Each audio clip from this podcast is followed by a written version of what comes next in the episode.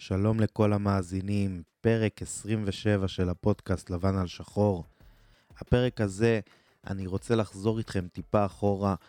בכל ה-26 פרקים האחרונים בעצם דיברנו על uh, עסקים ושיווק וירדנו לרזולוציות עמוקות. הפרק הזה קצת נחזור אחורה וניגע באיך בעצם בונים עסק חדש, עסק טוב ומצליח, ואילו דברים חשובים לדעת. כי יש לנו המון מאזינים שהם אה, יזמים ואנשי עסקים לעתיד, והפרק יש לנו גם אורח שאני אציג אותו מיד אחרי המוזיקה. אז נעבור למוזיקה ונתחיל עם הפרק.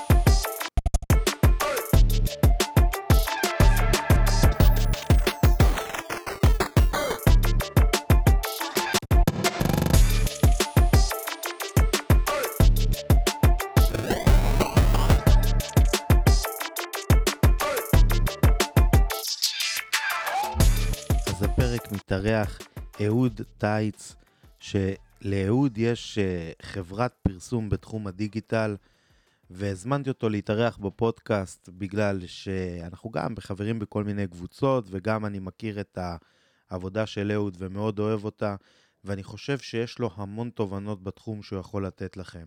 כשחשבנו על הנושא שיעסוק בו הפרק, גילינו שבאמת יש המון צורך במידע הזה והוא לא הכי נגיש, אז באמת אהוד הביא את התפיסה שלו ורוצה לתת לכם כלים פרקטיים שתוכלו ליישם כבר במיידי כדי להצליח בעולם העסקי. אז אהוד, הבמה כולה שלך.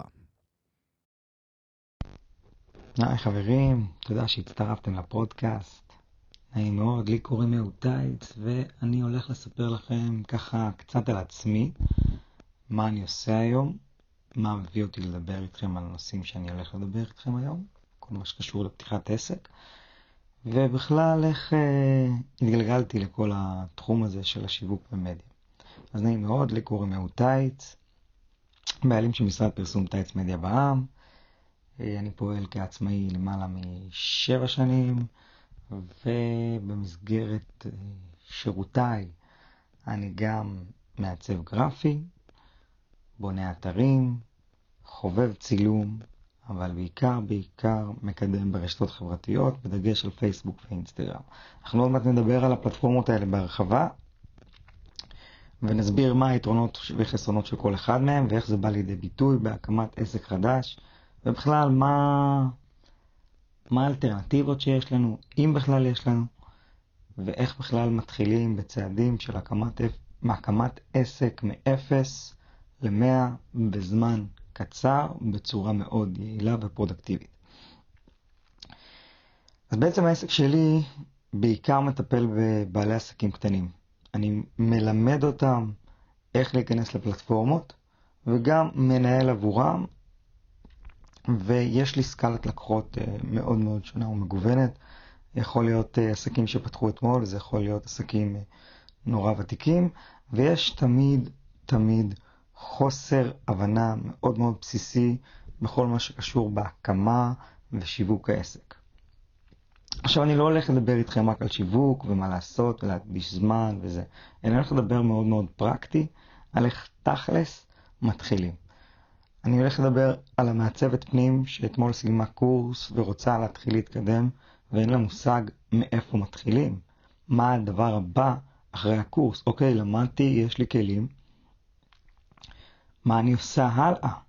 הרי כולנו יודעים שבאמת אה, בניית עסק מצליח היא לא רק הידע המקצועי שלנו. הידע המקצועי הוא חלק אחד, אבל יש כל כך הרבה דברים במעטפת שצריך להכיר וללמוד ולבצע בעסק, שהם אלה שיהיו אחראים על הצלחתו או נפילתו של אותו עסק. אז אני פונה אליכם, כל בעלי העסקים הקטנים, כל האנשים הכישרוניים שיצאו לדרך עצמאית ובאמת מנסים uh, להתחיל מאיפשהו ולא יודעים איך. עכשיו, אני נותן את כל העצות האלה מהניסיון האישי שלי. Uh, לא בטוח שעם הכל אתם uh, תסכימו, אבל חלק מהדברים בהחלט יעזרו לכם בקבלת ההחלטות בכל מה שקשור לפתיחת עסק, תמחור וכולי. אז אם את או אתה אנשים כישרוניים שרוצים להצליח מהידע שלהם ולא יודעים איך להתחיל, כדאי לכם להקשיב לזה. כשאתם מתחילים אה, בעסק, הדבר הראשון זה קודם כל לחשוב על השם ומה הוא מייצג. בעצם כשאתם מתחילים, אתם צריכים לחשוב על הלקוח ואיך הוא אמור למצוא אתכם ולהבין מה אתם בזמן הקצר ביותר. ודבר שני, מה המשמעות שלכם כעסק בעולם הזה. זאת אומרת, מי אתם, למה אתם ואיזה תועלת אתם נותנים. השלושה דברים האלה הם הקווים המנחים להתחלה, שאיתם אתם תוכלו להתקדם לצעדים הבאים. אני אתן דוגמה. לצורך העניין, יש לנו צייר. צייר שרוצה להתקדם ולהתפרנס מהתחום שלו, הוא מצייר מאוד יפה, אבל אין לו מושג מה הלאה. עכשיו, השאלה הראשונה, מה הוא רוצה למתג? האם אתה רוצה למתג את עצמך כאמן בלעדי, או כאולי בן אדם שמוכר uh, יצירות באופן כללי, לא רק של עצמו, אלא פותח גלריה ומתחיל למכור יצירות של הרבה אנשים? איך אתה רוצה שיתפסו ממך? כמשהו שהוא בוטיק או כמשהו שהוא להמונים? אם את כמעצבת הולכת להיות uh, מעצבת שעושה לבתים פרטיים, או מעצבת שעושה למשהו מסחרי.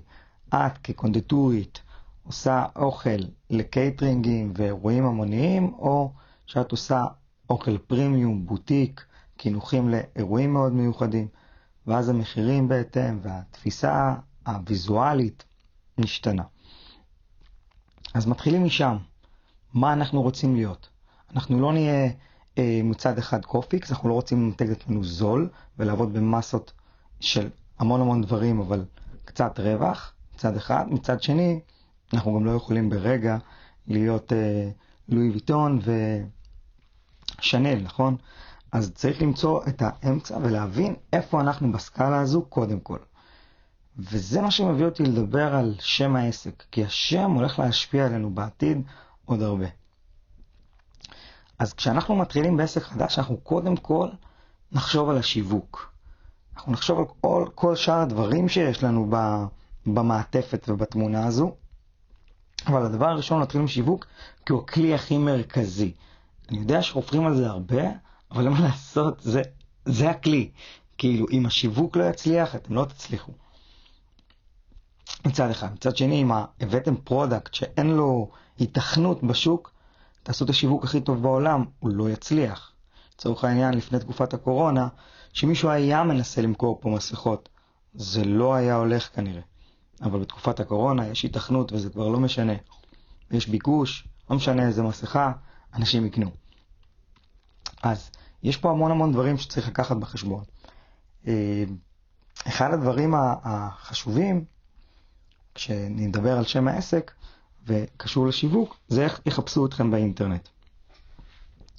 אז אם קוראים לך אבי ביטון, או אבי כהן, או יוסי בן יוסי, יהיה לך בעיה עם השם הזה כמותג אישי. למה? כי בן אדם מחפש באינטרנט את השם שלך. מהמלצה, מקולגה, לא יודע מאיפה, הוא יחפש, הוא רוצה לשמוע ולראות מי אתה, מה אתה עושה, מה... לפני שהוא פונה הוא רוצה כבר להכיר. כי לא מיד אנחנו מתקשרים לכולם. ובמצב כזה, אם תמתג את עצמך כיוסי ביטון התותח, יש מצב שיש עוד יוסי ביטונים באינטרנט, ויהיה קשה להגיע בחיפוש ראשוני רק אליך. לעומת זאת, אם תיתן שם אחר, בלעדי, שהוא ייחודי אליך בלבד, כשאתה תקים אתר או עמוד פייסבוק או עמוד אינסטגרם או לא משנה מה, כשיחפשו אותך באותן פלטפורמות, יחפשו את השם, את שם העסק, אתה תהיה הראשון בתוצאות, כי אין עוד ביטויים כאלה בתחרות. עכשיו, בעידן הדיגיטלי זה, זה דבר משמעותי, אתה בחיים לא תצא עם שם שהוא המוני שאתה צריך לשלם בפרסומות או בקידום אורגני, נדבר גם על זה, מה זה אומר, אבל שאתה צריך להילחם על התוצאת חיפוש של השם שלך האישי, של שם העסק. ולכן כשבוחרים שם, צריך לחשוב על מה יעלה בתוצאות החיפוש שלי בגוגל. כי זה תופס נפח מאוד משמעותי, שאנחנו בהתחלה בכלל לא מבינים אותו. אנחנו רק מחפשים להבין אם שם העסק הוא, הוא נשמע סבבה וטוב. אז זה אחד. דבר שני, זה איך כותבים אותו פיזית, עם איזה אותיות. אם בחרתם בשם לועזי, כמו לצורך העניין שיין, לאחי היה עסק, קראו לו שיינלופט, אה, יהיה לכם בעיה עם המילה הזו, שיין. כי שיין זה לזרוח, שזו מילה מדהימה, ולופט ולא, זה לופט, כן, זה לופט זה די קל, אז העסק שיינלופט היה מחופש באינטרנט במספר וריאציות. פעם שיין עם עין, פעם שיין עם יוד אחת, פעם שיין עם א' באמצע, ובקיצור, אנשים לא, לא ידעו להגות את זה כמו שצריך, ואז החיפושים היו כל פעם שונים. וזה פקטור שיכול לשנות על איפה תעלו בתוצאות, כשבן אדם תכלס רצה למצוא אתכם. אז קחו את זה בחשבון ותחשבו על איך כותבים את השם שלכם בקלות, גם לקהל שהוא דיסלקט, גם לקהל שהוא אה, לצורך העניין לא יודע עברית מספיק טוב, או הפוך, הוא יודע אנגלית או בא מתרבויות אחרות ששם אומרים עם עין ועם לא יודע. צריך לחשוב על הדברים האלה כי הם מקבלים משקל מאוד משמעותי לעתיד. הדבר השני זה כמובן הנראות. איזה צבעים אנחנו נשים באותו שם עסק אה, ומה אנחנו רוצים לשדר. ועל הפן הזה, בתור מעצב גרפי, אני אדבר איתכם שהפשטות היא מנצחת. לפעמים אנשים מנסים אה, להתחכם ולהעביר את כל המסרים של העסק שלהם תחת אותו לוגו. זה לא המצב. לא מצליחים להעביר תחושות דרך לוגו. מצליחים להעביר חלק מהדברים, אבל לא את הכל. אם אתה גם מעצב או גם אה, אינסטלטור, או גם לא יודע מה, אתה לא תצליח להכיל את הכל תחת אותו לוגו, וזה בסדר. אנשים צריכים להבין שהלוגו מקבל את המשמעות אחרי שהוא מקבל את הפרסום הרלוונטי. Nike, ה-V הזה, קיבל את המשמעות של להיות Nike במרוצת השנים. אני מאמין שהיום אם אני אביא לבן אדם סתם פס, הוא לא יבין מה הערך שלו, אבל אחרי שיפרסמו אותו הרבה פעמים בשלטי חוצות, פתאום הפס הזה ייראה לו משהו ממותג ויפה. ולכן, במיתוג של תחילת העסק צריך ללכת על הדברים הקלים, הפשוטים, הלא מורכבים, ש, שזכירים ומעצימים אותם תוך כדי תנועה ופרסום. אז כשאתם בונים לוגו לעסק ובוחרים צבעוניות, אל תעמיסו, אל תנסו לשדר כמה דברים במקביל, כי זה לא יתפוס. תעשו את זה נקי, מינימליסטי, כמו החברות הגדולות. ואם אתם רוצים לדעת איזה צבעים צריך לבחור, המעצב אמור לדאוג לכם לזה, וגוגל יכול לעזור לכם ממש טוב בכל מה שקשור לבחירת הצבעים. פשוט תעשו לוגו קולוס ותראו איך כל צבע משדר משהו אחר בלוגו שלו. הקוקה קולה האדום והשחור, או פפסי עם האדום והכחול, כל אחד יש לו איזה משהו אחר שהוא רוכב עליו. אז שימו לב שהמכנה המשותף באמת של כל הלוגוים הגדולים הם לא עמוסים. ולכן אנחנו זוכרים אותם. כשאנחנו נראה לוגו עמוס, אנחנו כנראה לא נזכור. אז גם את זה תשימו לנגד עיניכם. והדבר הבא שאני רוצה לדבר עליו, אחרי שכבר נגיד, יש לכם לוגו ויש לכם שם שאתם חושבים שהוא מספיק טוב וסטנדרטי, וכשמחפשים אותו לא לשם אחר באינטרנט, אלא רק האתר שלכם ברגע שהוא יוקם, הדבר הבא זה איך אתם מתחילים לפרסם, ובכלל, כשאתם פותחים את העסק, מה, מה אתם צריכים טכנית לעשות. אז אני נתקל הרבה פעמים באנשים שנתקעים בביצוע. הם עושים וחושבים וזה, ועל כל דבר יכולים להיתפס ימים והם לא מתקדמים. בזמן הזה השוק מתקדם ודברים משתנים והרעיון המקסים שלהם אה, מאבד את המקום שלו במציאות. ולכן הכלל המפתח הוא קודם כל לעשות ולעשות כמה שיותר מהר כדי לשחרר משהו לאוויר העולם. עכשיו, כשאני אומר לאוויר העולם זה לאו דווקא חייב להיות לאוויר העולם הדיגיטלי, זה יכול להיות לאוויר העולם הפיזי, החברים שלכם, המשפחה, המעגלים, שחררו מוצר, שחררו שירות ותתחילו לקבל את הפידבק מהסביבה. אנחנו לא בונים עסק מושלם ביום אחד, ספק אם אי פעם נצליח לבנות אותו מושלם, אבל אנחנו בונים אותו כל הזמן, בכל רגע. ולכן, ככל שנשיק יותר מהר, נקבל את האינפורמציה מהסביבה ואת הפידבק כמה שיותר מהר. אז בעצם הכלל השני שלי זה לעבוד ולבצע במטרה להציג גרסה רזה לעסק. אם את קונדיטורית שרוצה למכור אה, מלא עוגות ומאפים, אל תעשי את כולם, אל תצלמי את כולם, אל תשקיעי בכולם בחומרים הכי טובים, תעשי שתיים, שלוש עוגיות טובות, או עוגות טובות שאת יודעת שה, שאנשים יאהבו, או את חושבת שאנשים יאהבו, ותקחי אותם ואותם תשימי בפרונט ואותם תפרסמי בקבוצות הוואטסאפ ומול החברות שלך והכל, ותקבלי את הפידבק עליהם כשאת יודעת שהם הדגל שלך. אם הם כדגל מצליחות להיתפס בסביבה, במחיר שרצית, או, או בסטנדרטים שרצית של הטעם, אז יש לך את האוקיי להמשיך לדברים הבאים ולשווק את זה, אה, אה, לשווק את זה ואת שאר המוצרים הנלווים של זה, אם זה עוגיות קטנות או עוגיות לאירועים או לא יודע מה. כל הדברים האלה יכולים לקבל מקום אחרי שהצלחת להוציא משהו. הרעיון בלהוציא משהו הוא גם לבחון את עצמנו. איך אנחנו מתמודדים עם הקהל? אם הקהל בכלל אוהב את זה, אנחנו יכולים לחיות בפנטזיה על זה שמשהו יקרה ברגע שנשיק, אבל בפועל, כשנוציא את זה החוצה, נגלה שוואלה, מישהו כבר עשה את זה קודם, או מישהו עושה את זה יותר זול, או פתאום ננסה למכור למישהו ויגיד, למה שאני אקנה מכם את זה? יש אותו מוצר בדיוק באלי אקספרס. אז כל הדברים האלה נותנים לנו את האינפורמציה הרלוונטית איפה לפתח ולהשקיע, ואיפה יש מחסור בחוץ. עכשיו, עוד משהו שאני אומר להרבה אנשים כשהם מקימים עסק, זה העניין הזה של להמציא את הגלגל. אתם לא צריכים להמציא את הגלגל. אתם רק צריכים לעשות את זה טוב יותר. אם יש כרגע מישהי שהיא צלמת תותחית, אז תגידו, מה, אין לי מקום להיות גם צלם תותח? זה לא נכון. יכול להיות שאתם באותה רמת צילום, אתם באמת, שניכם מוכשרים ברמה מטורפת, אבל אם אתה תעשה את השיווק שלך טוב יותר מהצד השני, או את השירות שלך טוב יותר, או את המחיר שלך אטרקטיבי יותר, יש לך התכנות גבוהה יותר ביחס למתחרים. אז כל הדברים האלה הם נלמדים תוך כדי תנועה. אז אנחנו חייבים לנסות כמה שיותר מהר להוציא גרסה רזה לעסק.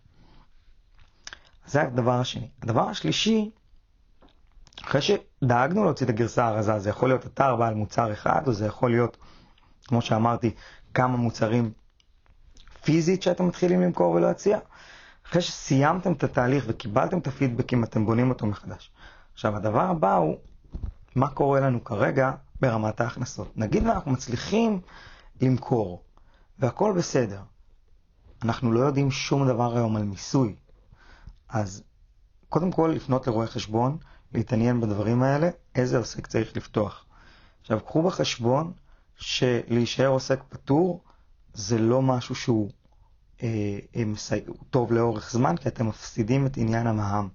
אתם משלמים מע"מ אבל לא מזדקים עליו. במקביל, אתם עדיין כנראה שכירים איפשהו, ואתם מקבלים תלושים, ואתם מקבלים גם את התשלומים עבור המוצרים והפרודוקטים וכל הדברים שאתם מוכרים, ובעצם אתם אה, בסוף שנה תופתעו לשלם מס. אז אחד הדברים הראשוניים זה אחרי שהצלחתם לגלגל כמה סכומים, זה לגשת עם זה לרואה חשבון ולהגיד לו, שים אותי בנקודה הנכונה. איפה אני צריך להיות כרגע כדי לשלם כמה שפחות מס באופן חוקי, בהתחשב בנסיבות שאני גם שכיר, גם עצמאי, או, או לא יודע מה. ואז הוא יגיד לכם, לך תהיה עוסק פטור, לך תהיה עוסק מורשה, לך תהיה אה, חברה בעם, מה שזה לא יהיה. ועכשיו אני אקח אתכם לשלב של הקידום בעצם. כשאתם מתחילים את העסק, אתם צריכים להתחשב בשיווק ברמת העלויות שלו. כמה עולה לפרסם היום באינטרנט, ומה, כמה צריך להוציא כדי לייצר מצב שמישהו פונה אליי, או כשמישהו קונה ממני באתר. מה התהליך שעובר וקורה כדי להגיע למצב שאתר שנולד אתמול, הצליח למכור ב-10,000 שקל חודש אחר כך. כמה כסף הוא היה צריך להוציא, כמה זמן בעל עסק היה צריך להשקיע. אז גם את זה אני מציע שאנשים יעשו טלפונים לאנשי מקצוע בתחום ההתמחות שלהם, בין אם זה אחד שתותח בגוגל, או אחד שתותח בפייסבוק, או אחד שתותח באינסטגרם, או, או אחד שמוביל דעת קהל באינסטגרם, שיש לו אה, משפיענים וכאלה. לעשות שיעורי בית ולשמוע מהם כמה יעלה לייצר תוצאה X למוצר הזה. ובהתאם לזה אנחנו נדע לתמחר את עצמנו. ניקח דוגמה מעשית לצורך העניין. אני מוכר תמונות, בין היתר, ונגיד שתמונה אחת שלי עולה לי לייצר אותה 300 שקלים. עכשיו אני צריך להתחשב במשלוח. משלוח עולה לי עוד 50 שקלים. אז יש לי 350 עלות. כמה אני צריך למכור אותה כדי להרוויח? עכשיו נגיד אני רוצה למכור אותה ב-1,000 שקל. אני צריך קודם כל להגיד, אוקיי, האם יש התכנות בשוק לסכום כזה? יכול להיות שיש מתחרים שמוכרים את זה בפחות. אז אתה עושה סקר, בודק, ואתה רואה שאתה יכול להיות אה, קצת יותר זול מהם ועדיין להרוויח. זאת אומרת, אם ראית שכולם מוכרים ב-1,000, אתה תמכור ב-900. אז קודם כל יש לך כבר התכנות. זה כמובן אחרי שבדקת וקיבלת מהסביבה את הרושם שכן, המוצר שלך טוב, יפה ומועיל לאנשים בצורה כזו או אחרת, המוצר או השירות. ברגע שזה קרה, אנחנו צריכים להכניס את העלויות. אוקיי, יש לנו 350 שקלים עלויות כולל משלוח, וכל השאר זה רווח, בין ה-900 ל-350. כמה אני צריך לשלם כדי לייצר מכירה של 900 באתר? עכשיו, אף אחד לא יוכל לתת לכם את התשובה, כי הנתונים האלה משתנים בהתאם לאתר שלכם, לוותק שלכם, למוצר שלכם, לביקוש, המון המון פרמטרים. אתם צריכים לצאת כמה שיותר מהר עם קמפיין, ברמה הכי גבוהה שאפשר יהיה להוציא אותו אבל, לא להתפשר על האיכות שלו, לצאת ולקבל את האינדיקציה כמה עלה לייצר מכירה. ואם אנחנו מזהים שלייצר מכירה בתחום הזה, או למוצר הזה, או לשירות הזה, או לייצר ליד, בתחום הזה עולה לי, סתם אני זורק, 300 שקל, רק אחרי 300 שקל שיצרת, שהוצאתי, הצלחתי לייצר מכירה, אני מבין שאני בבעיה. כי יש לי פה עלות של 650 שקלים, כן, 350 מוצר פלוס 300 עלות ליצירת מכירה באתר, אני מבין שיש לי פה בעיה מבחינת הרווחיות. תורידו את המס, תורידו את המע"מ, כבר לא נשאר שם יותר, ואת הזמן עבודה כמובן, כבר לא נשאר שם הרבה, ולכן משהו פה בכדאיות לא מתפקד. זאת אומרת, כשמתחילים מוצר, תמיד אנחנו נחשוב על השיווק, מה עלויות השיווק שלנו. ואז כשנתכנן תקציב לעסק, אנחנו נתכנן אותו בהתאם להוצאות השיווק שיהיו לו. ואם יש מוצר שאין לו התכנות מבחינת עלויות, כי סתם דוגמה, אני הבנתי שלמכור מוצר X, אה, אני אצטרך להוציא ממומן 100 שקל, והמוצר הזה עולה רק 50, אה, אז אני אפסיד כל פעם 50 שקל כדי לנסות למכור אותו. אז אני אהיה בהפסד לא משנה מה. אז לכן תמיד מראש להתחשב בעלויות השיווק, ורק אז להחליט אם המוצר הזה או השירות הזה טוב לנו. עכשיו, זה בסדר לטעות, זה בסדר להתחיל בצורה הזו ולא לייצר מצב שהאתר מוכר, אבל צריך ללמוד מזה כל הזמן למה לא מכרנו, למה העלות הייתה יקרה. לפעמים מגיעים אליי אנשים עם עסקים ומוצרים שהעלויות שלהם הם שקלים, זאת אומרת, אה, העלויות שלהם וגם העלויות ללקוח קצה שקונה הם שקלים. זאת אומרת, סתם אני אתן דוגמה, אה, דובי מדפס. עולה ללקוח 50 שקלים באתר, מתנה יפה, מעניינת, אבל מצב נתון, כדי ליצור מצב שאנשים קונים אצלך באתר, אתה צריך להביא אה, 50 איש לאתר. נגיד, הבאת 50 איש, ועל כל 50 איש אחד יקנה. והוא קונה, הוא קונה אה, מוצר אחד או שתיים, לא משנה, הוא יעשה איזה ממוצע עסקה באתר. אבל אם כל המוצרים הם, הם זולים, ועלה לנו לייצר תנועה של 50 איש, 50 שקל, נגיד שקל לקליק, אז גם אם הוא קנה, אני הפסדתי. אז דברים כאלה מראש אני אומר, אין להם התכנות. כי הפלטפורמה שלך יקרה. הפלטפורמת פרסום שלך יקרה ביחס לרווח. אז או שתמכור מוצרים אחרים, או שתתמחר אותם בהתאם, אחרי העלויות פרסום שלך, או שתמכור כדילים של כמה מוצרים ביחד. זאת אומרת, הרעיון הוא להבין איך נכנסת בהוצאה הבסיסית הקבועה שלי הוצאות השיווק. וככה אני אדע לתמחר את המוצרים ואני אדע לדעת מה לשים בפרונט ומה להמשיך לקדם. אבל גולת הכותרת מבחינתי, מה שתיקחו פה מה, מהפודקאסט הזה, זה בעיקר העבודה של הלצאת, לנסות, לקבל פידבק ולתקן. וזה אומר שאתם לא צריכים לקנות סחורות בכמויות, אתם קונים קצת סחורה. אתם לא יושבים ש... שעות וימים וחודשים על המיתוג ועל נראות האתר ומוציאים עליו עשרות אלפי שקלים, אלא אתם מוציאים אלפי שקלים בודדים כדי להצליח לייצר מצב שיש אתר סולק. once כל זה קרה, ואתם במקביל מטפחים את העסק הזה ברמה הניהולית, משקיעים בו את ה-X זמן ביום שהגדרתם שתעשו, משקיעים את זה, ממשיכים בדיילי ג'וב שלכם כי העסק החדש עדיין לא מניב רווחים ברמה של לחיות, אז אתם מגשרים על הפער הזה באמצעות העבודה שלכם כשכירים. אתם יכולים לצלוח את זה, כי תוך כדי תנועה אתם תעבירו את הפוקוס שלכם מלהיות שכירים, או, או לעבוד במה שאתם עוד עובדים, לא יודע מה, אתם תעבירו את הפוקוס הזה לעסק שמתחיל להצליח, אתם תמיד תהיו בניסוי וטעייה, ותמיד בכל צעד ושעל שאתם לא יודעים, אתם הולכים לבעלי מקצוע ומתקנים אותו. זה, זה, זו השיטה. על זה זה עובד, כשתמיד, תמיד, תמיד לא שוכחים להכניס את עלויות השיווק והעלויות הנלוות ועלויות המיסוי. כי כשאנחנו מתחשבים בכל הפרמטרים האלה, אז אנחנו מקבלים את התמונה המלאה של כמה כסף רווח נטו אפשר לייצר מאותו עסק ואותו מותג, או אותו שירות, או מה שזה לא יהיה. זה יכול להיות כל דבר, בתנאי שעשיתם את השיעורי בית הנכונים. שורה תחתונה, ולסיכום, כשאתם תקימו עסק, תמיד בהתחלה יהיו קשיים. ייקח זמן עד שתצליחו להחזיר את ההשקעה. אבל אם לא תעשו את תהליך הלמידה, סביר להניח שאתם תיפלו מאוד מהר, עוד לפני שהתחלתם. אני מקווה שזה נתן לכם ככה טיפים להצליח. אה, אם אתם רוצים ככה עוד תכנים ולהכיר אותי קצת יותר מקרוב, תיכנסו אה, לפייסבוק שלי, אהוד טייץ, או לאתר, תחפשו בגוגל טייץ מדיה בעם, ואני מקווה שתמצאו תכנים שיעזרו לכם, שיהיה המון המון בהצלחה, ונשתמע. אז תודה רבה לאהוד שהסכים לבוא ולהתארח בפרק ולחלוק מהידע שלו ומהניסיון שלו ומהזמן שלו בתור בעל עסק ובתור יזם.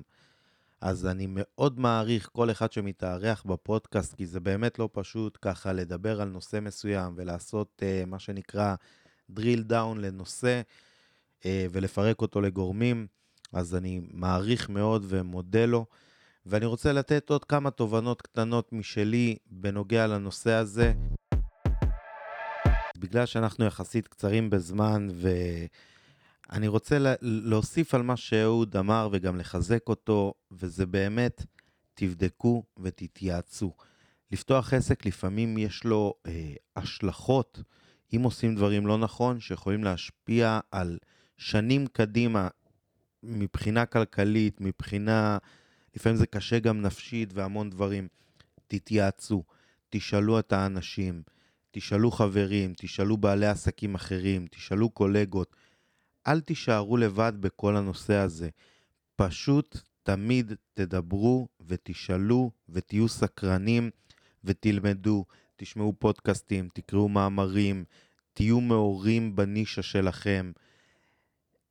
תלמדו כל יום מחדש.